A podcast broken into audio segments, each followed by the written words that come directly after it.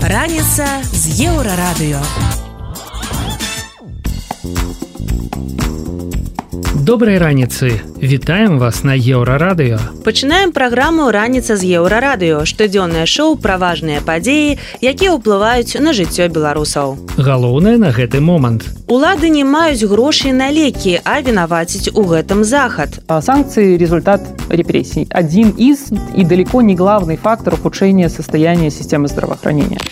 Прызначаны новы міністр аховы здароўя хто ён Знаю, что вы человек вне клановый, хотя в Минздраве у нас там и семейные династии, так называемые, и кланы, и прочее, чего только не хватает. Этого быть не должно. Я очень рассчитываю, что вы положите конец этому.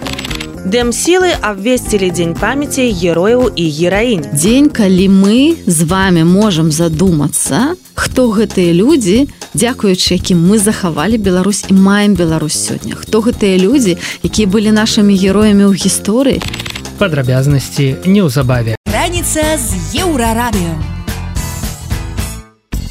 Беларусь паскардзілася ў сусветную арганізацыю здароўя на спыненне паставак заходніх лекаў і медыцынскага абсталявання.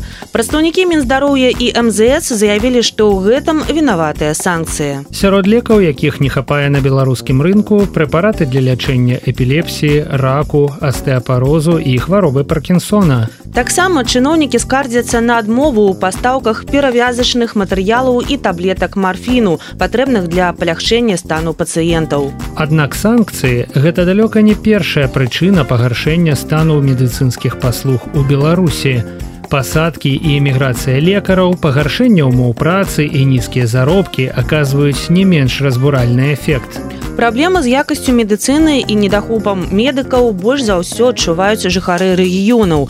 Асабліва на месцах не хапае профільных спецыялістаў. Чаму з краіны сыходзяць замежныя пастаўшчыкі і ці ўплываюць на гэта санкцыі? Больш падрабязна раскажа каардынатарка фонду медыцынскай салідарнасці Лідія Тарасенко. А Санкции – результат репрессий. Один из и далеко не главный фактор ухудшения состояния системы здравоохранения.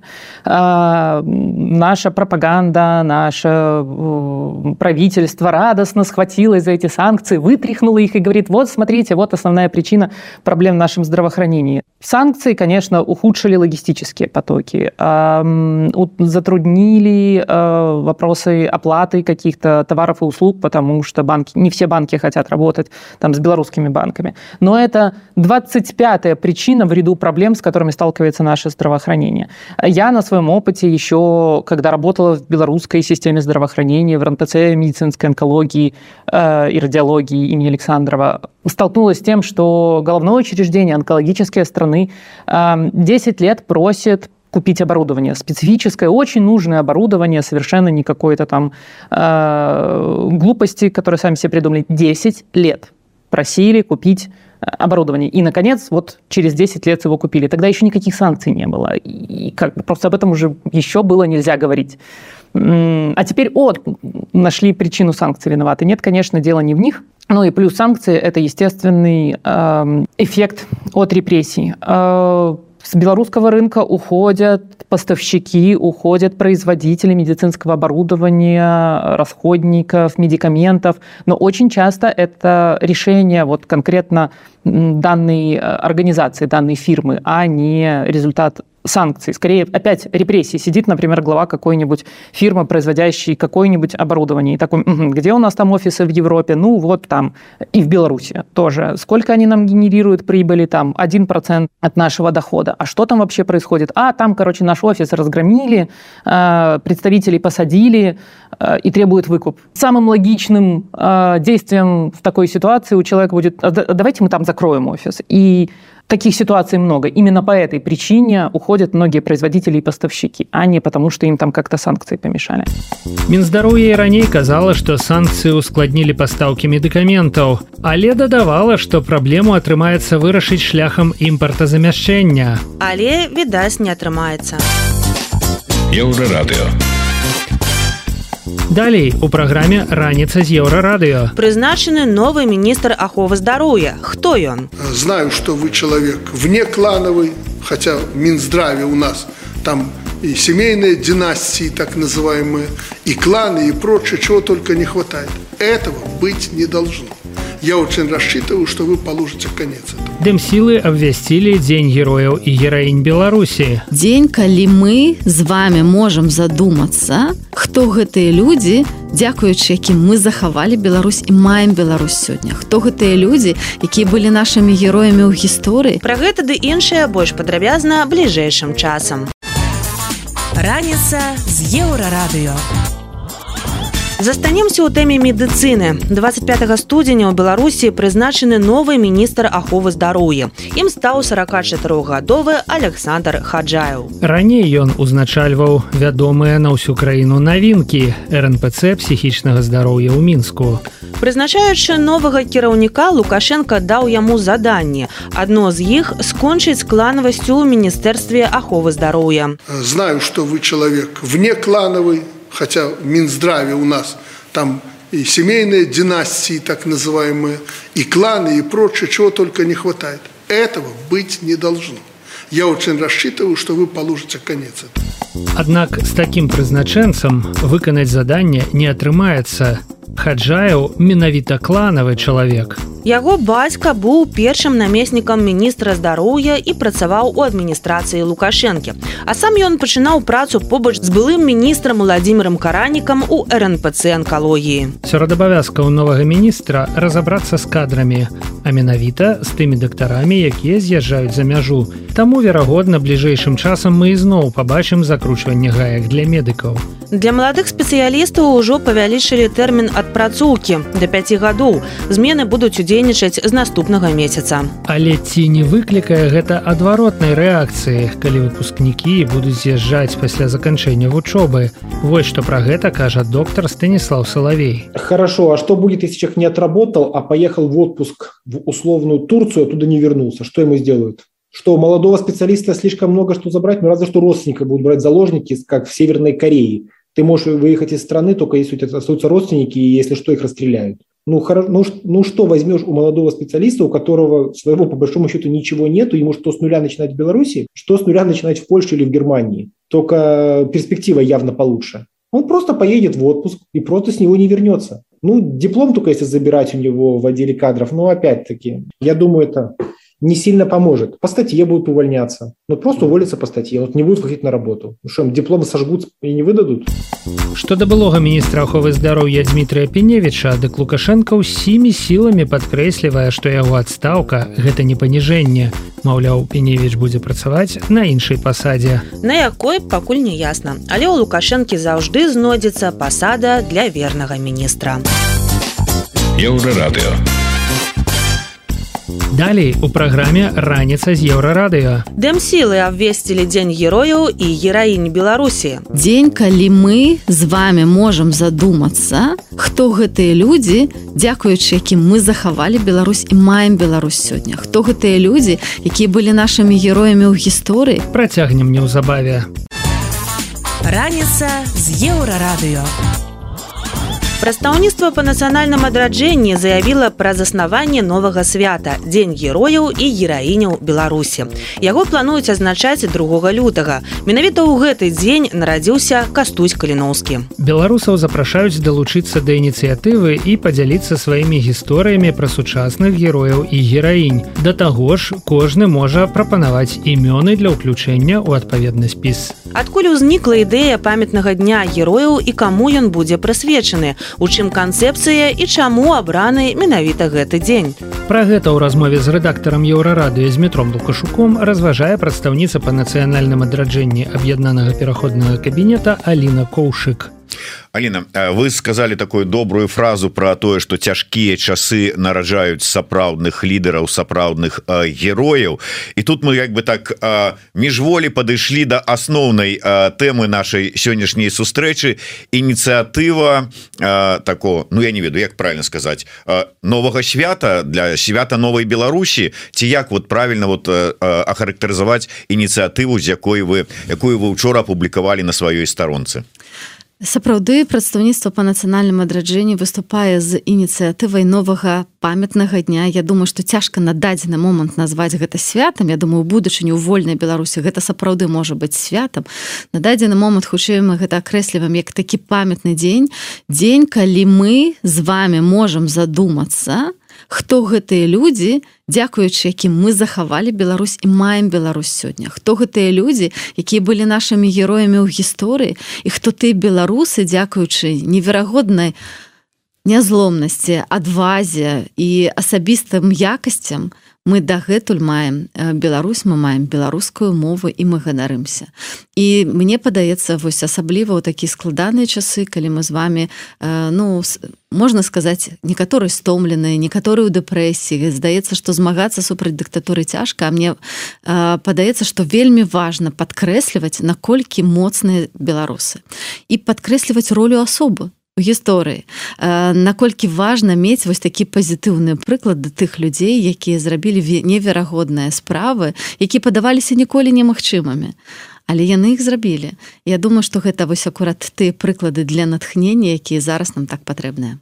Дарэчы я хочу скарыстацца акурат таким момантам. Вось у мяне э, на планшете адкрыта вось гэтая старонка і вам раю таксама перыядычна заходзіць. Гэта у э, сайт аб'яднанага пераходнага кабінета у дадзеным выпадку тут сторонка прадстаўніцтва по нацыянальным адраджэнні і э, тут ёсць і навіна про гэтую ініцыятыву Так что заходзьте проглядайте. Ну і у телеграм-канале можна конечно подпісацца і на э, сторонку аб'яднанага пераходнага кабінета і вот за Алінай коўшык сачыць там. Ну і безумоўна нагадываю тым для кого это бяспечна э, сайт и еврорады і YouTube канал еврорады подписывайтесь расширвайте ставьте свои падабайки і пишите свае пытанні Алина. Дадам толькі что вось таксама на гэтым сайте вы можете спампаваць себе календар бо мы для зручнасці для беларусаў собрали все беларускія святы які варта адзначаць Ну не думаць калі там что будзе калі дзень беларускай вайсковай славы. І там дарэчы у гэтым календары які можна запампаваць у свой Google календарь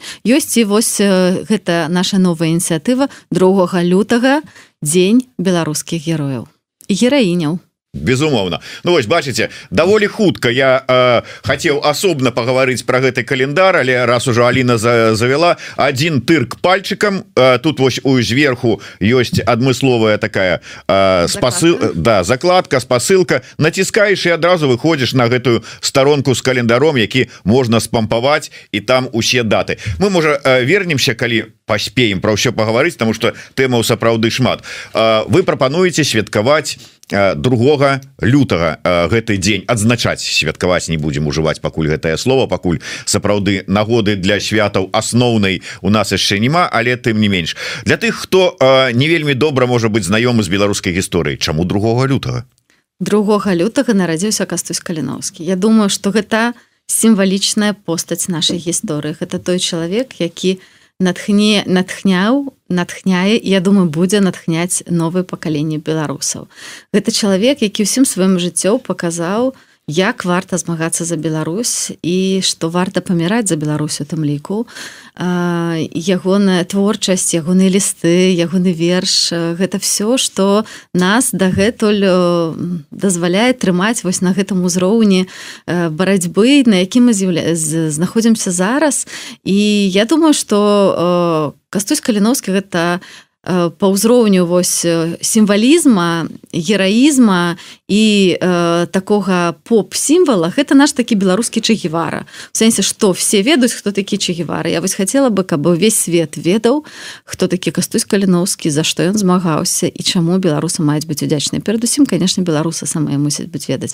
І таму мы подумалі што вось менавіта дзень нараджэння а не а не дзень смерти будзе сімвалічнай датай для таго каб сабраць кола беларускіх герою і гераіняў. Мы прапануем, каб кожны з вас задумаўся, якая асоба ў нашай гісторыі альбо ў нашай сучаснасці для вас з'яўляецца той асоба, якая выбрала сваю місію Беларусь. І напішыце гэта ў сваіх сацыяльных сетках вялікімі літарамі імя прозвішча з хэштегам мой герой альбо моя гераіня мы саберем ваши прапановы можете таксама гэта напісаць у каментарах у нашым прадстаўніцтве в сацыяльных сетках. Мы іх сабярем і зробім такі супольны портрет беларускіх герояў гераіняў такое кола беларускіх герояў гераіняў Я думаю что гэта будзе у вельмі сімвалічна вельмі важна каб мы все разам падумалі і аб'ядналіся вось у гэтай думцы о салідарнасці з тымі людзьмі якія працавалі і працуюць на беларусі аддаюць сваё жыццё ось вы зараз э, казалі А я ўсё не мог э, выкінуць ну ці там ад, ад неяк адысці ў бок ад тых словаў якія э, вы сказалі на конт э, чыгевары і думаю Ну вот А чаму чыгевара і вот увесь свет с этими майками чыгавара за это яго береце с зоркай гэтай чырвонай слухайте Ну быў же ну ладно каліновскі это ўсё ж таки больш нашага рэгіёна герой конкретно беларускага народа нашай нацыі Ну быў уже касцюшка герой як мінімум чатырох народаў. Чаму вот чия вина что касцюшка не стал вось таким агульнасусветным сімвалам? Вот было б прыемна ходзяць якія-нибудь там умоўна кажучы люди з Европы Аўстраліі Новой Зеландыі і калі хочуць сабе нейкую вот у умоўнага чэгевару а там касцюшка а у яго пагоня на, на на шапцы. Ну дарэчы касцюшка вельмі папулярная. Быць можа касцюшка не сапраўды не стаў таким поп-сімвалам якім стаў чэгевара але мне падаецца што ў нашай сітуацыі калі так вынішаюць все э, узгадкі пра беларускую гісторыю беларускую еўрапейскую гісторыю на вельмі важна падкрэсліваць менавіта наших герояў. А касцюшка ён супер папулярная у Амерыцы у Вашынгтоне стаіць ягоны помнік праводзяцца нейкія забегі ў гонар касцюшкі. І гэта сапраўды та асоба якая асабліва ў палітычнай гісторыі вельмі вызначылася. Быць можа найменш вядомая так на такім побытавым на такім папулярным узроўні але гэта таксама праца якую трэба выканаць. Раскруціць каліноўскага як сапраўды нашага сімвала сімвала нашага змагання. Ну сапраўды касцюшку ведаюць добра і не толькі ў Вашынгтоне у Філадельфіі таксама стаіць помнік. І сцяг дарэчы белчырвона-белы вісіць на алеі сцягоў.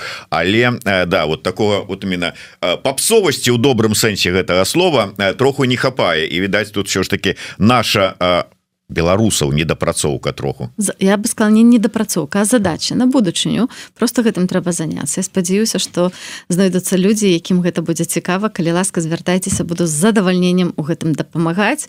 Ну я яшчэ хочу сказаць что мы все з вами памятаем перапахавання паўстанцаў паўстання каліноўскага і самого кастуся якое адбылося вільні якое як многія лічаць стала першым крокам да 2020 года калі мы побачылі ў вільне вось гэтае мора бел-чырвона-белых сцягоў якое потым разлілося на всю Беларусь.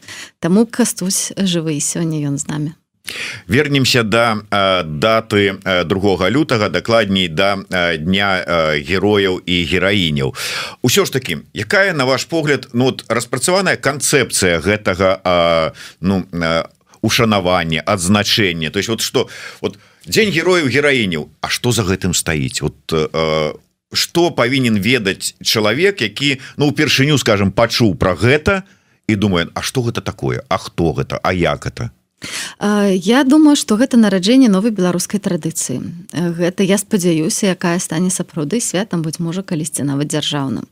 Гэта дзень ушанавання тых людзей які спрычыніліся да таго каб наша краіна існавала квітнела і была сапраўды паспяховай что трэба ведаць что гэта традыцыя будзе развівацца. Гэта першы год які калі мы ініцыюем і сёлета яна будзе сціплай але мы вельмі спадзяемся что да адзначэння гэтага дня далучацца шматлікія ініцыятывы шматлікія беларусы.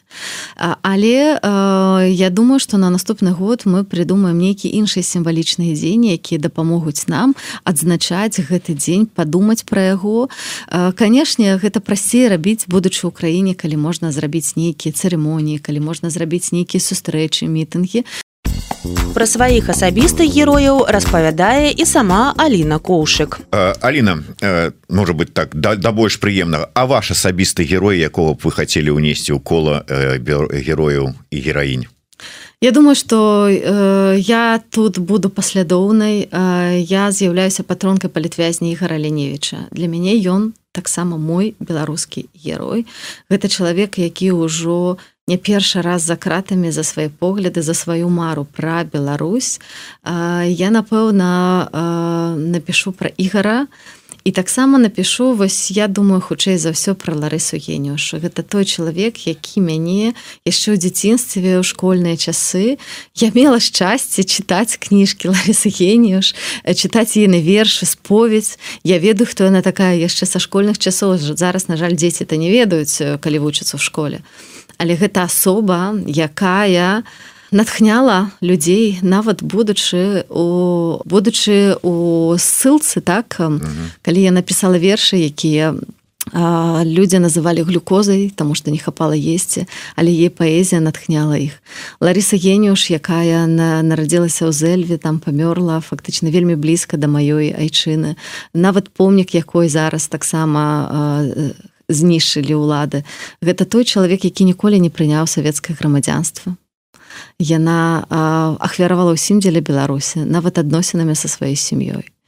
Яе шлях быў жыццёвы вельмі складаны але дзякуючы такім асобам мы зараз маем Беларусь. Таму моя гераіня Ларыса генюш. Згодны. Калі ў кабінет прыйшла спадарня коўшык мне падалося што можа зараз гэта не самае галоўнае. Але ж хутка час паказаў што відаць гэта зараз самая галоўная пасада і напрамак дзейнасці Так что вы галоўны чалавек зараз у аб'яднаным пераходным кабінеце. Дякую вялікі.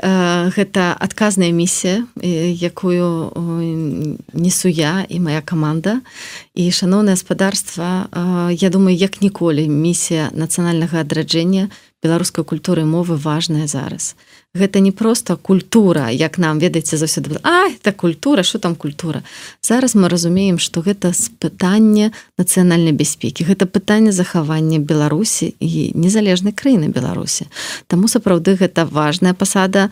Я не буду казаць что найважнейшае не хочу пакрыўдзіць маіх калегаў бо кожны з нас мае вельмі важную адказную місію Але мне падаецца, што гэта тое, што перадусім я магу рабіць разам з вами.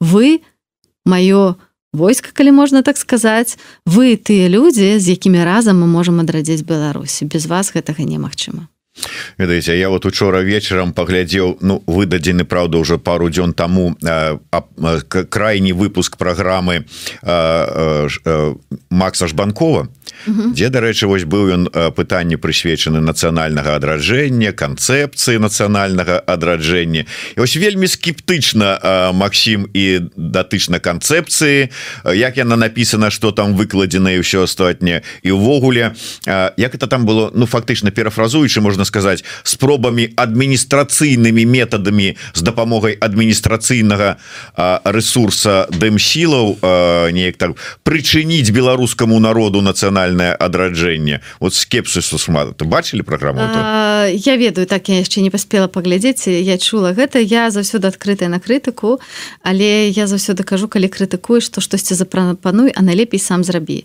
Была бы класна калі гаспадар банку сапраўды прыйшоў і э, хацеў пагу пагутарыць і далучыцца. Мы таксама калі прадстаўлялі канцэпцыю нацыянальнага адраджэння мы казалі пра то што гэта не фінальная версія. Гэта драфт але драфт над якім працавалі не толькі мы гэта працавалі незалежныя розныя эксперты розных поглядаў. І больш за тое вам скажу что насамрэч ідэя зрабіць вось такі дакумент ён выйшаў не ад мяне.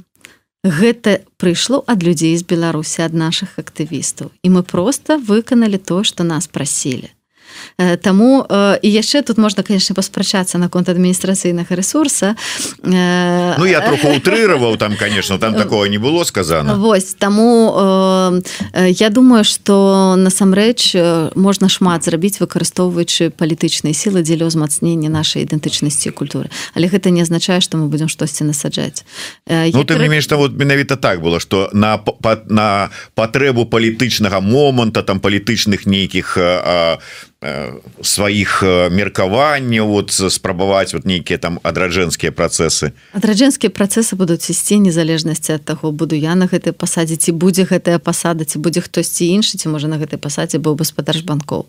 Гэтыя працэсы ідуць бо яны не залежаць ад нас. Гэтыя працэсы ўнутры нашага народа мы можам ім дапамагчы пэўнымі шляхамі. І гэта стараюся зарабіць у сваёй дзейнасці.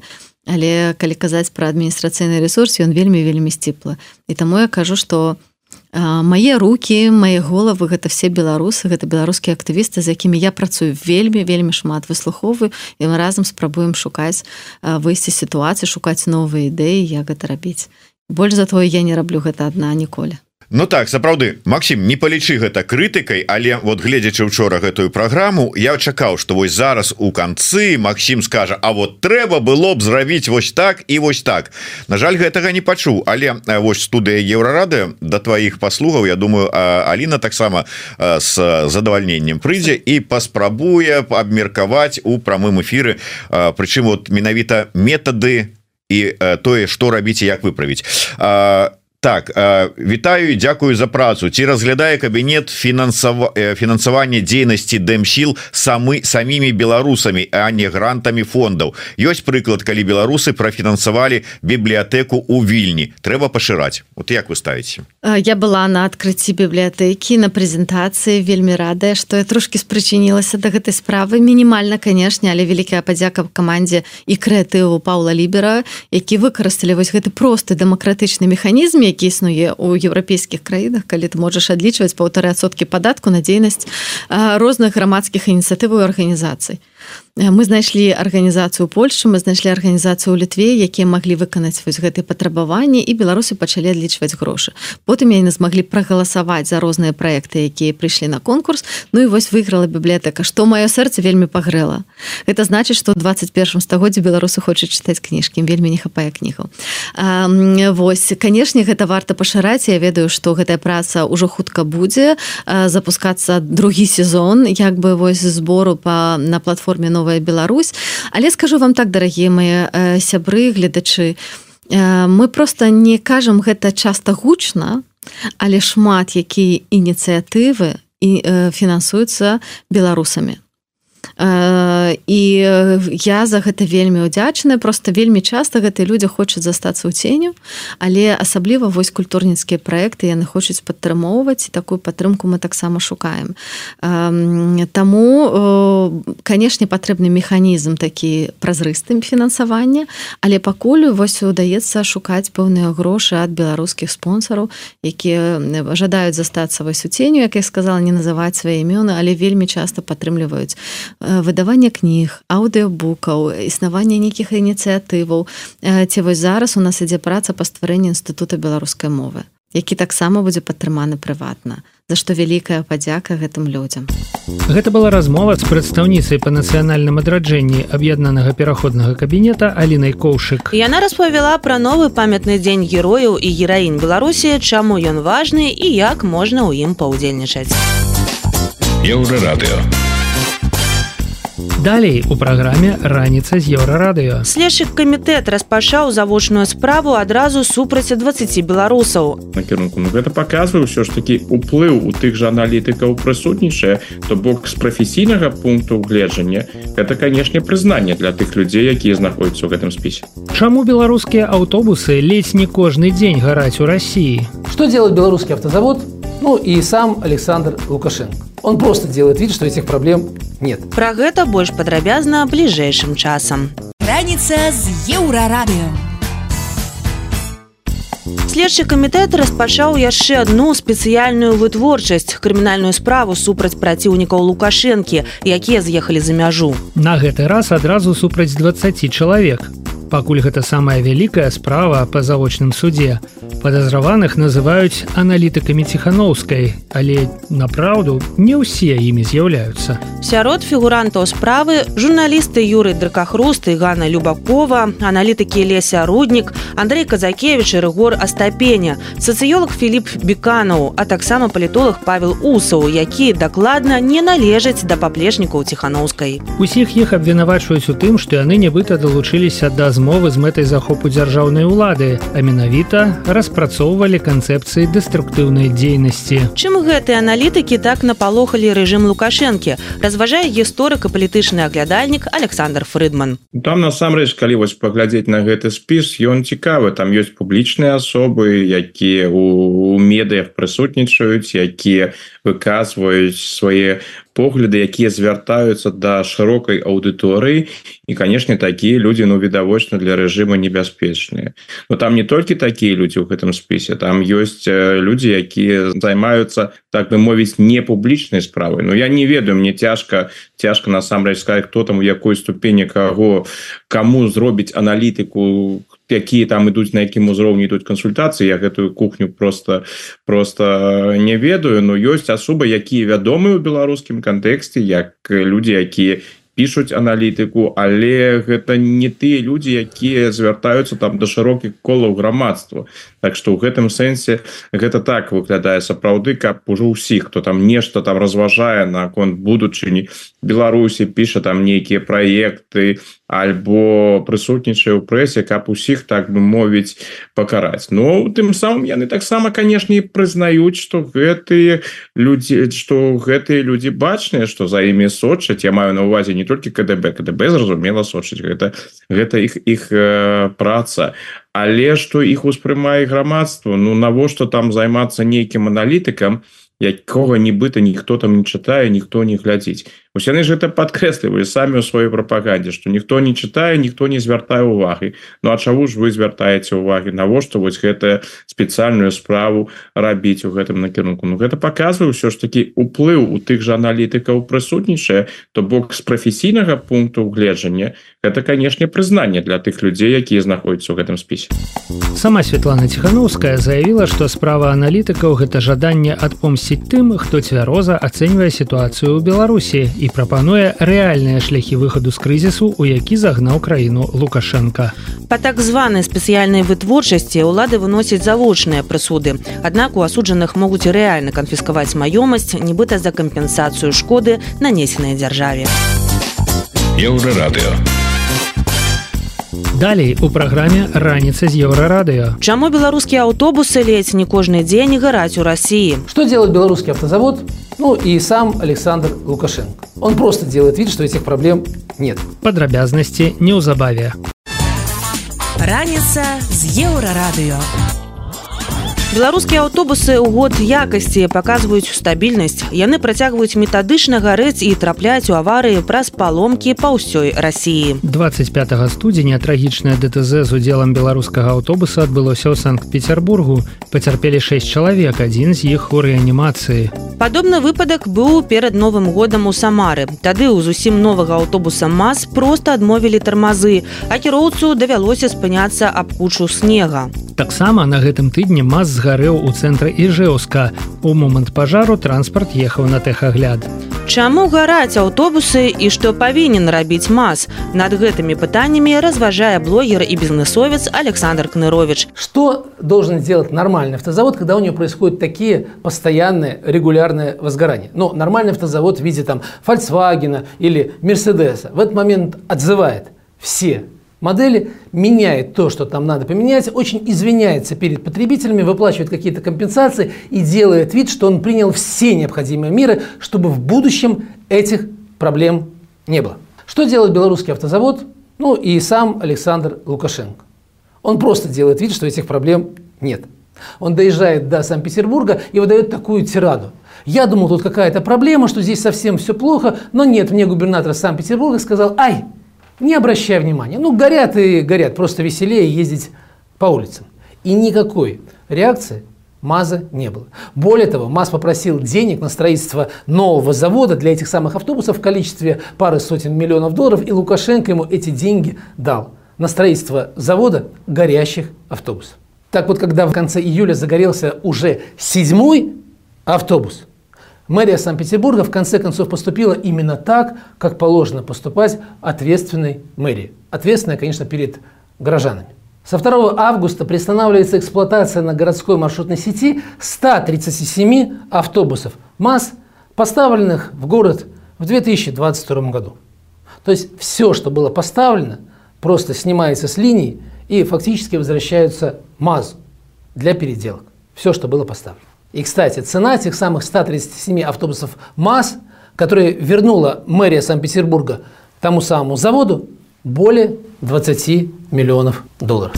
лукашенко апраўдвае частыя ўзгаранні беларускіх аўтобусаў тым што іх нібыта не так абслугоўваюць і проказнямі канкурэнтаў аднак эксперты кажуць што тут вінаватыя санкцыі пад якія ў 2021 годзе трапіў мас пасля іх еўрапейскія запчасткі былі замененыя на кітайскія а яны ўжо не той якасці раніца з еўрарадыё вяртаемся на еўрарадыё і працягваем ранішні эфір. Вы по-ранейшаму слухаеце раніцу з еўрарадыё. Інфармацыйнае шоу пра важныя падзеі якімі жывуць беларусы і іншы свет. І вось што цікавага мы распавядзем далей. Як новыя магчымыя санкцыі паўплываюць на жыццё беларусаў? Какого макроэкономического эффекта скорее всего не было бы ці накрые краіну хваля праблем з ЖКГ почему о нем надо было бы говорить отдельно? Потому что таких случаев не должно было быть. Навошта сілавікі затрымліваюць карыстальнікаў сервісаў па дастаўцы прадуктаў? Трэба паказаць что товарищи работают. Пра гэта ды іншае больш падрабязна цягам бліжэйшай гадзіны. Раніца з еўрарадыё У рэжымных сМ з'явілася чарговая нагода для ныцця новая порцыя санкцый з боку захада. Справа ў тым што краіны балты і польша заклікалі выраўняць сектаральныя санкцыі супраць рассіі і беларусі усё праз варожую рыторыку лукашэнкі які працягвае пагражаць суседзям. Цікава тут тое што навіна пра гарманізацыю санкцыйнага ціску ўзнікла на фоне падрыхтоўкі еўросаюзам новага пакету абмежаванняў датычна да рэжыма Пуціна. То бок раўняць санкцыі будуць не на сённяшнім а на больш жорсткім узроўні.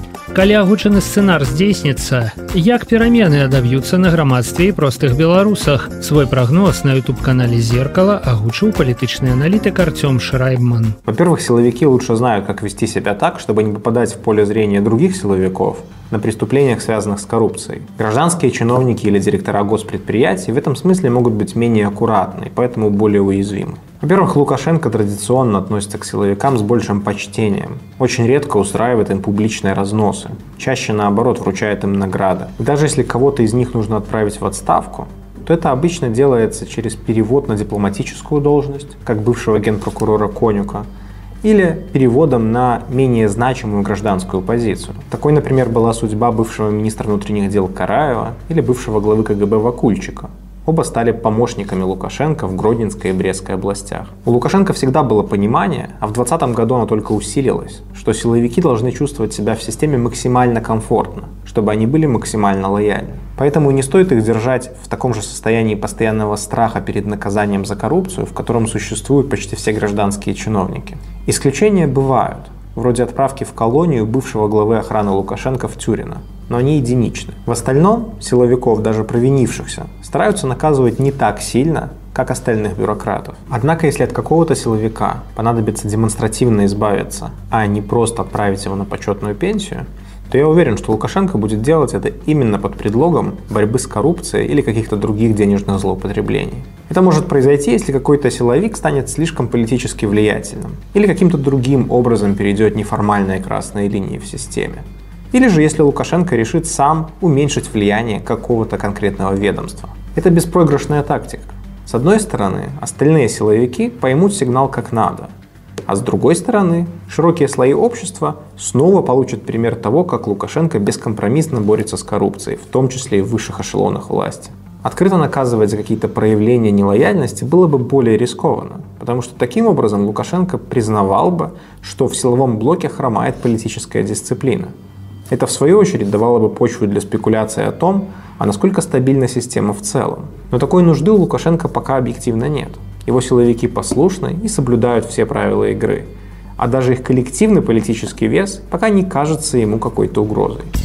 эканамічныя санкцыі не адзіная тэма якая турбуе беларусаў на фоне рэпрэсіі апошніх чатырох гадоў грунтоўна ўзрасла ўплывовасць сілавога апарата праз які лукашенко падтрымлівае стабільнасць у краіне заўважных сілавікоў аўтакрат асабліва не чапае і не рэпрэсуе ну калі вядома не падазрае іх у здрадзе ці нелаяльнасці пры якіх абставінах лукашенко можа ператарахнуць карныя органы зноў адказвае артём шрайбман Секторальные санкции Евросоюза, принятые против Беларуси и России, действительно немного отличаются.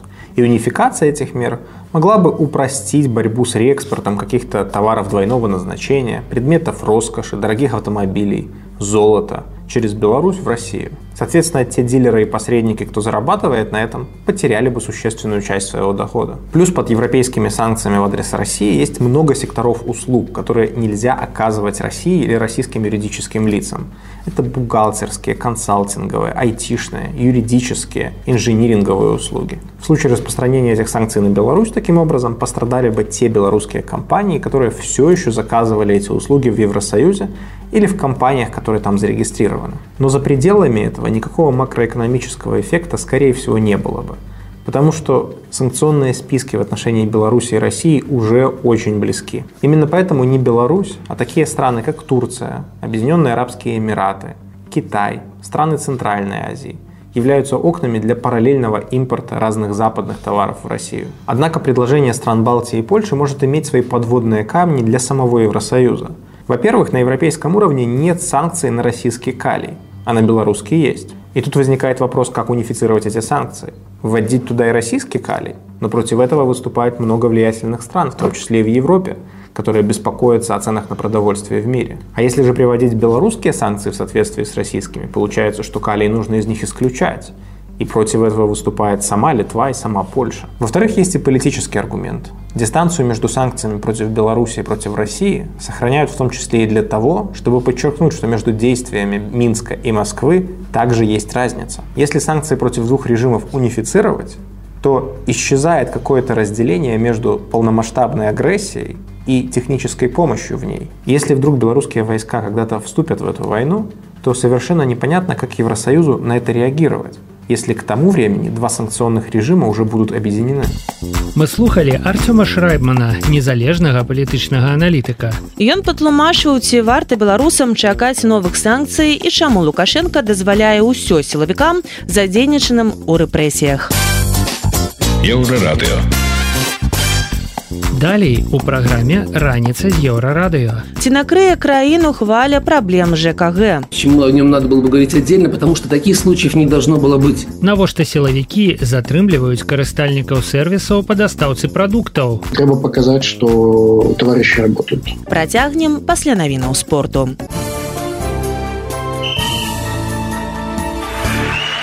На еўрарадыё навіны спорту. Арына Сабаленко ў фінале Аўстраліян Open. У матчы адной чацвёртай беларуская тэнісістку двух сетах абыграла амерыканку Какхо Гауф 7664. Летась Сабаленко выйграла гэты турнір у выпадку чарговай перамогі яна заробіць больш за 2 мільёны долараў. Канадскі нападаючы танер фрыцы закінуў дэбютную шайбу за хакейная мінская дынама ў чэмпіянаце КХл. Здарылася гэта ў гасцявым матчы з ЦСК, які дынамаўцы прайгралі з лікам 1-2. 26 студзеня дынама згуляе ў гасцях з лакаматывам. У баскетбалістаў мінска па-ранейшаму няма перамог у першынстве адзінай лігі ВТБ. Напярэдадні яны прайгралі 24 матч запар. У краснадары менчукі былі разгромлены адным з лідараў лакаматывам кубанню 59-95. Сталі вядомы ўсе ўдзельнікі паўфіналу мужчынскага чэмпіянату Еўропы па гандболе 26 студзеня ў кёльні сустрэнуцца зборнай Францыі, Швецыі, Даніі, Геррманіі. Дзейнымі чэмпіёнамі з'яўляюцца шведы. 47гадовы Андрэй Шаўчэнка стаў кіраўніком украінскай асацыяцыі футбола. Былы зорны футбаліст, а цяпер галоўны трэнер украінскай зборнай быў адзіным кандыдатам на пасаду. Папярэднік Шаўчэнкі знаходзіцца ў следчым ізалятары па справе аб крадзяжы сродкаў. Гэта былі навіны спорту на еўрарадыё. Заставайцеся з намі. Раніца з еўрарадыё. У жыцці беларуса ёсць няшмат больш пастаянных рэчаў, чым рост тарыфаў на камунальныя паслугі. І 2024 не стаў тут выключэннем з правілаў. Тарыфы ЖКГ залежаць ад базавай велічыні, якая вырасла з новага года з 37 до 40 рублёў. Суадносна лічбы ў жыроцы таксама выраслі, а наступнага падвышэння ўжо можна пачынаць чакаць. Яно адбудзецца ў чэрвені. Таксама дзяржава вырашыла расправіцца з таварыствамі ўласнікаў жылля, каб цалкам правязаць абслугоўванне дамоў да жэсаў і так атрымаць дадатковыя грошы. Якіх яшчэ сюрпрызаў беларусам чакаць ад дзяржавы ў гэтым годзе. Выданню Маланка пра гэта распавёў палітык и блогер Александр Кнырович. Во-первых, нужно отказаться от иллюзии, что есть какая-то доля, которая доплачивает, доплачивает некое мифическое государство, которое берется откуда-то, кроме как кошельков самих белорусов. То есть вот с этим надо, тезисом, э, его надо забыть. Почему?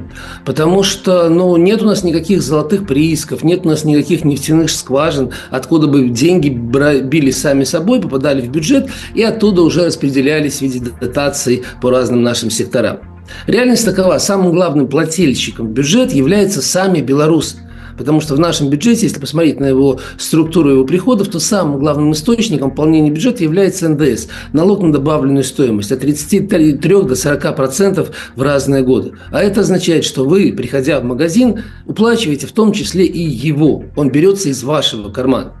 Поэтому, когда государство в виде разных чиновников говорит о том, что оно кому-то за что-то доплачивает, оно врет. Оно никому не доплачивает ни за медицину, ни за образование, ни в нашем случае за ЖКХ. Это ваши же деньги, только вместо того, чтобы не забирать их у вас и предложить вам оплачивать самостоятельно там, где вы решили оплачивать врача, либо оплачивать образование, либо оплачивать те самые услуги ЖКХ, там, где их можно заказать на свободном рынке. Нет, у вас сначала эти деньги забрали, а потом за вас решили, кто вам должен оказывать эти самые услуги. Поэтому, ну, вот надо с этим тезисом быть э, поаккуратнее и понимать, как эта история происходит. Дальше же, если мы залезем внутрь нашего платежа за ЖКХ, то, конечно, мы увидим разные направления на теплоснабжение, на горячую холодную воду, на вывоз мусора, на лифты, в том числе и на обсуждаемый сегодня э, капремонт. И, конечно, когда наши государственные чиновники говорят о том, что смотрите, как мало платят белорусы, там в несколько раз меньше, чем литовцы или поляки, это правда, действительно несколько раз эм, э, меньше, они в этом случае в общем э, правы, потому что действительно действительно по разным направлениям, но белорусы оплачивают там, от 50 до 80 себестоимости самой э, услуги. Да, и, конечно, приходится за это доплачивать из бюджета. Каждый год есть определенная сумма, которая уходит на это. Э, из бюджета ее можно отследить. Но тут есть одно «но». Мы доплачиваем за услуги, которые, в общем-то, не выбираем.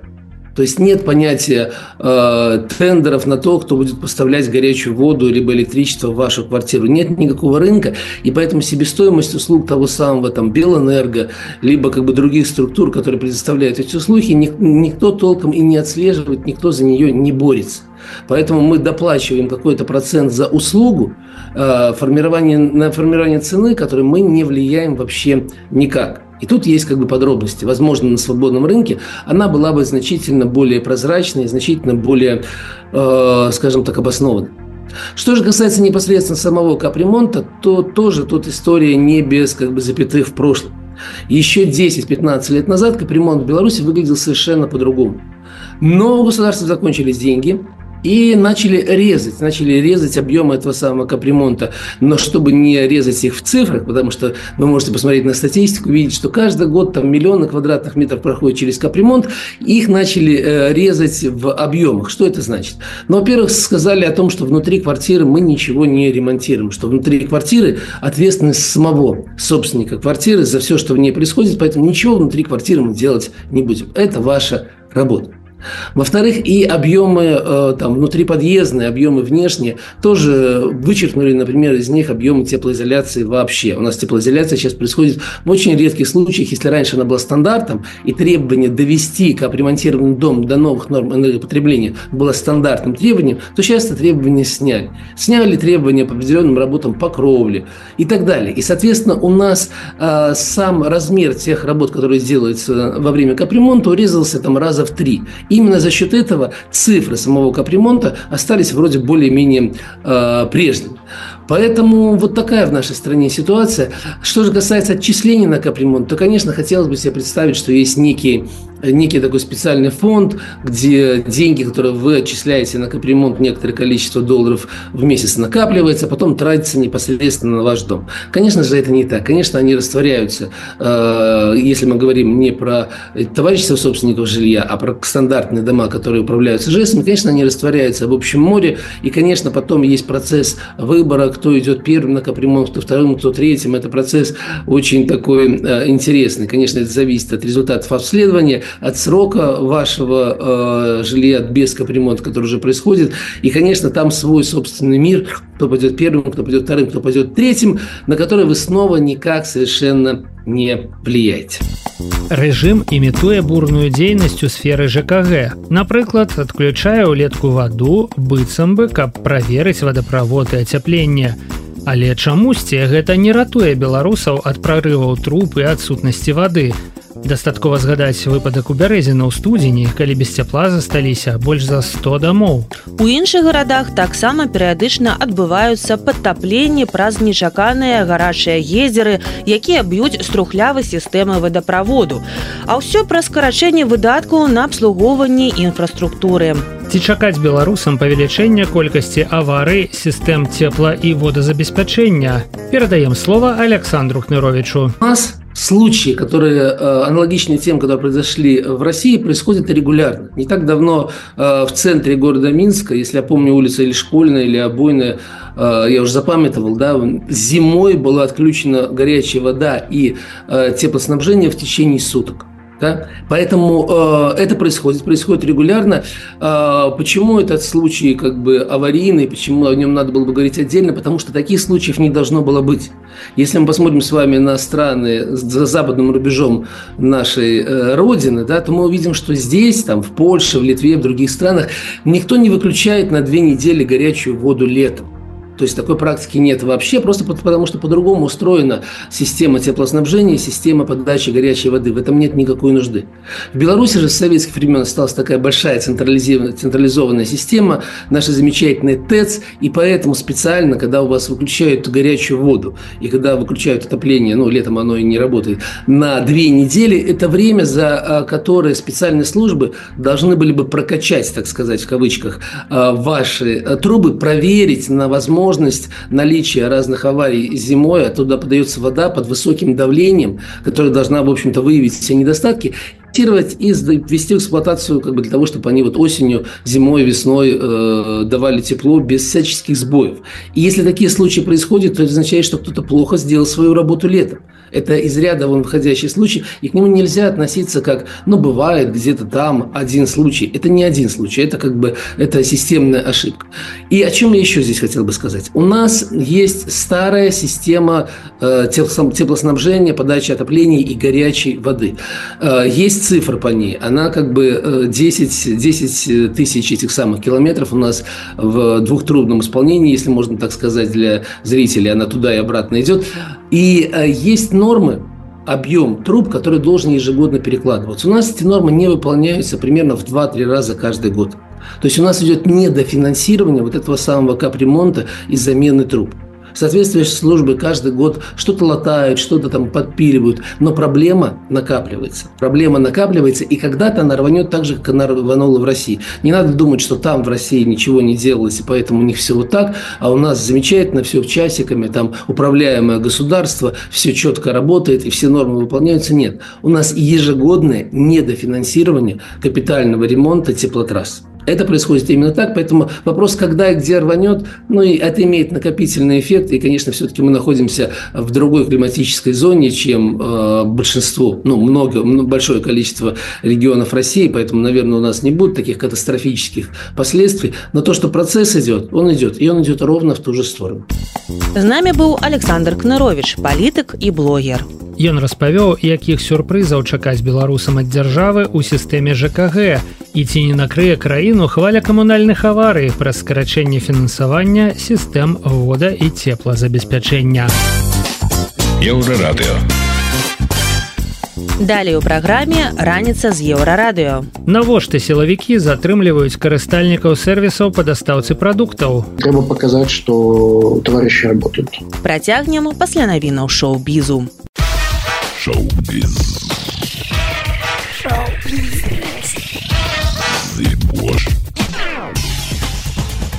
Вітаю гэта навіны шоу-бізу стала вядома пра затрыманне ў Тайландзе удзельнікаў рок-гурта B2.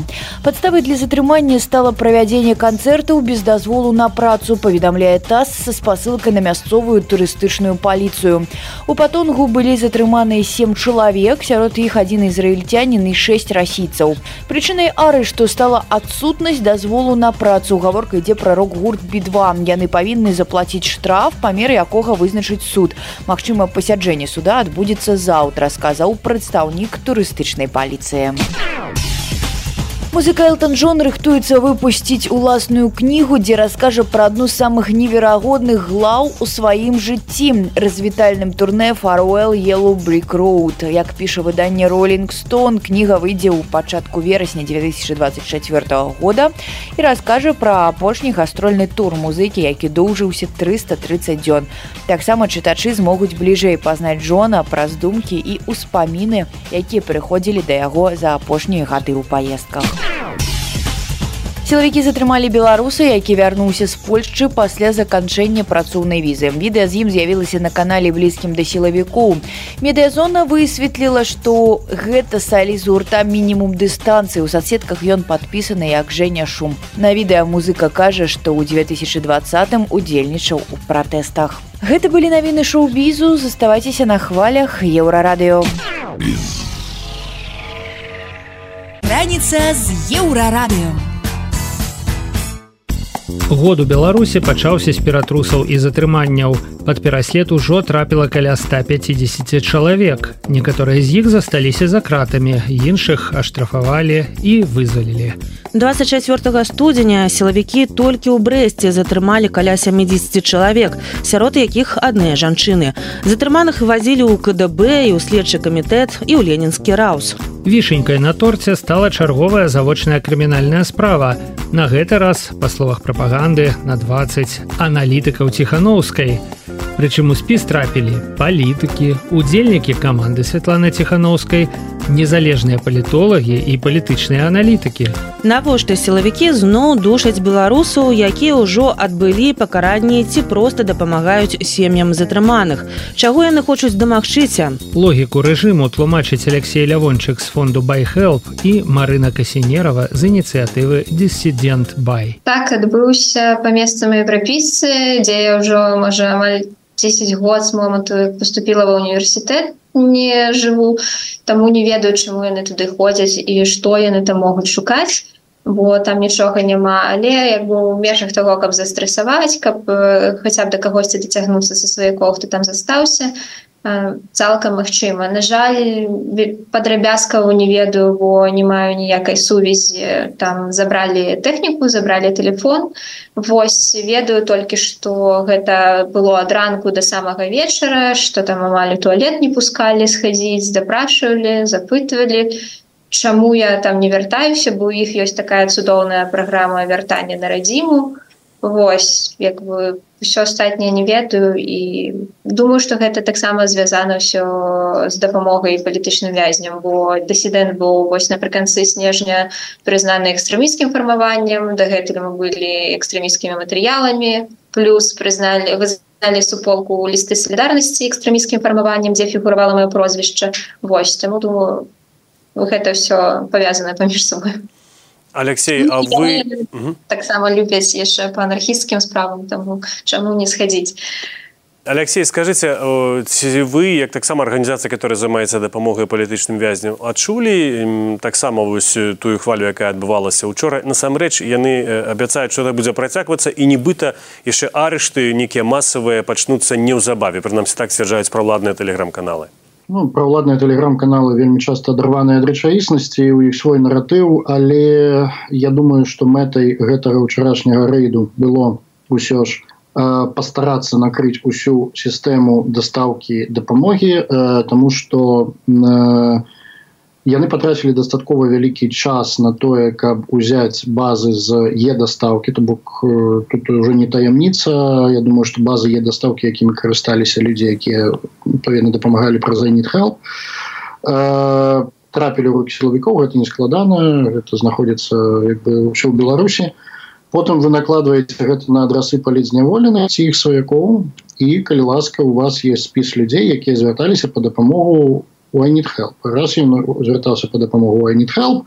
значыць Мачыма ён звяртаўся ці яна яны звярталіся ў дапамогу і ў іншыя фонды то можа мы там нешта знойдзем. Так вось в принципе мне падаецца лагічна рабіць тому что праз е доставку праз базы еўропта вот это вот все імі карысталіся не ведаю десяткі тысяч людзей сотні тысяч людзей і большая частка не па палітычных мэтах тому я думаю гэта была першая бок накрыць усю інфраструктуру другое запалохаць і паслаць сігнал сказаўшы что вот мы за вами сочым івогуле дапамагаць палітычным нельга тому что калі вы будете дапамагаць палітычным вы попадете. Калі вы будете атрымліваць дапамогу як стойкі палітычных вы попадете. То бок складнік тэрора тут быў але таксама быў яшчэ і складнік больш прагматычны то бок знайсці як іншыя прывозяць дапамагаюць якія каналы і, і гэтак далей.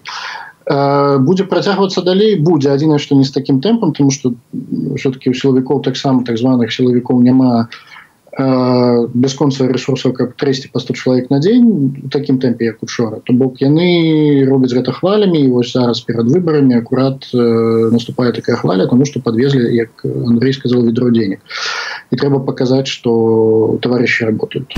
Відавочна что падобныя акцыі з боку рэжыма накіраваныя на тое каб максімальна запалохаць людзей пазбавіўшы іх жадання дапамагаць праяўляць салідарнасць і эмпатыю да палітвязняў. І трэба значыць что што такая тактыка мае свой плён. Людзі пачынаюць баяцца, нават тыя, хто знаходзіцца за мяжой. Ці гэта перабольшанне.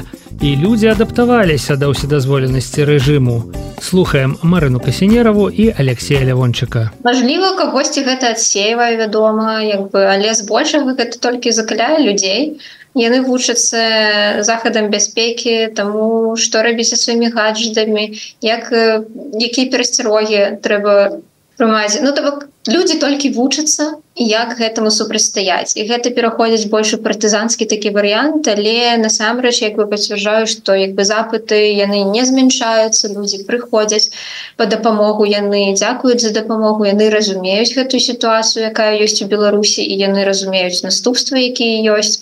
Вось і кожны там і прымуючая старана і тых хто збірае грошы фонды арганізацыі ініцыятывы мы все робім все магчымае адаптуем наши механізмы дапамогі мы вельмі гнуткія у дачыненні того што робіць сістэма так і якім чынам спрабую рэпрэсаваць Таму я думаю вельмі складана менавіта вось накрыць усю гэтую сістэму дапамогі так? І амаль немагчыма бо ўсё ж таки мы дэцэнтралізаваны гарызантальны і вось для хутчэй для сістэмы гэта выклік бо яны не могуць таким працаваць так? Яны кагосьці могуць кропкава накрыць але гэта не вырашае цалкам праблему того што салідарнасць знікае. Таму як бы рэпрэсіі толькі ўзмацняюць гэтых людзей хутчэй робяць нас больш эфектыўнымі у сваім змаганні дапамозе але ў той час марына глядзіце но все роўна людзей увесь час затрымліваюць бясконца то это азначае што ёсць нейкія таксама механізмы у іх паспяхова гэтага дамагацца ці недооцэньваеце вы на вашу думку таксама ну суперніка апанента не знаю як называть для вас кДб сілавікоў можа ну, яны таксама сталі ж нашмат хітрэйшымі за это? Вядома працуюць як бы але іх механізмы яны не заўсёды можна сказать каб новая ты людзі хто ведаюць як было там 10 год таму як бы яны не заўважаюць вялікіх навінак так тэхналогіі як бы больш з'явілася розных але метады як бы такія засталіся Вось і гледзячы што што мы лічым эфектыўным тое што яны пасадзілі людзей ну так рэпрэсіі у дыктатуры яны ёсць гэта ну бы заканамерна Вось але я лічу там по поспехам эфектыўным з нашага боку то што калі людзі выходзяць яны ну, працягваюць прытрымлівацца сваіх поглядаў так і сваіх меркаванняў бы яны не ламаюцца яны выходзяць і дапамагаюць іншым і гэта важна гэта важна што яны то бок тое што з імі здарылася тое што сістэма зрабіла там их арыштавалі гэта іх не сламала і там не зрабіла з іх там нейкіх лукашыстаў і ябацек вось гэта важна то што мы захоўваем і людзі захоўваюць сваю ідэнтычнасць і свае каштоўнасці. Алексей А ці вы бачыце што за гэтыя ну чатыры гады ўжо атрымліваецца у гэтых людзей таксама з'явіліся нейкія прафесійныя новыя веды Мачыма новыя маладыя людзі которые дапамагаюць ім вырашаць новыя выклікі ўжо? У гэтых людзей вы маеце на увазе у каго сілавікі КДБ ты людзі которые штодзённа арыштоўваюць десяткі беларусаў і зараз пагражаюць чарговых затрымаць. Калі там я не буду цытаваць назву называць але у адным тэлеграм-каналу был так што калі здаецца да сёння ці да заўтра яны не прыйдуць самі э, добраахвотна не пакаюцца што яны данацілі а мы уже бачылі рэкламы нават сацыяльна вісіць у менску то яны будуць самі прыходзіць да гэтых людзей бо яны маюць гэтыя спісы але даюць ім магчымасць добраахвотна звярнуцца Ну не, не трэба мець, шмат мазгоў, каб мець спісы, якія ты можаш атрымаць з беларускага банку, які прынясе іх табе на падагнутых нагах, тому что ну, тому что это беларускі банк, я не вінавачу банк просто нікому не хочется сесці. понятно, что тут просто як бы тупая пагроза войскі ласка выкладзіце спісы але у спісе напрыклад на донаты не, не відаць куды гэта было даначана. Яны не ведаюць куды гэта было там просто написано Facebook і хаб фейсбука да ці лондон ці амстердам ці дублін у залежнасці от того дзе як чалавек данаціў праз які платежны інструмент.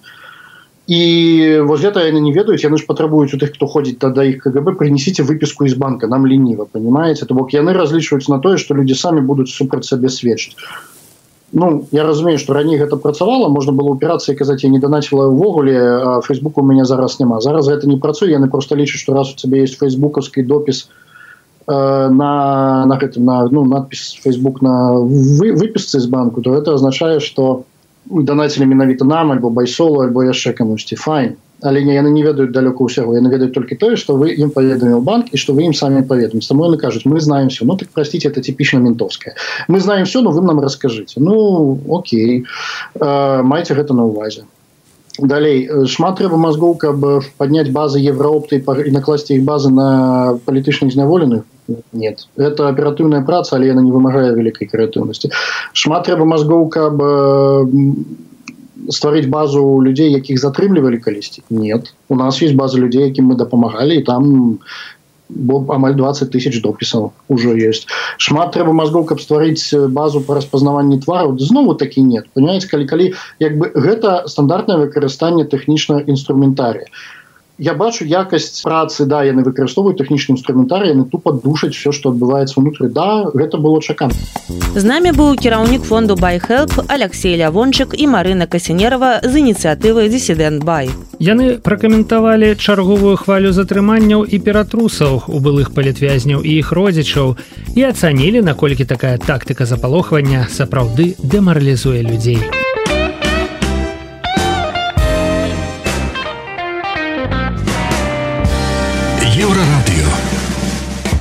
Гэта былі самыя важныя навіны сэнсы раніцы з еўрарадыё. Заўтра ранкам мы распавядзем вам пра галоўнае, што адбываецца ў краіне і свеце. Сустракаемся ў той жа час у тым жа месцы. Беражыце сябе. Пачуемся. Раніца з еўрарадыё.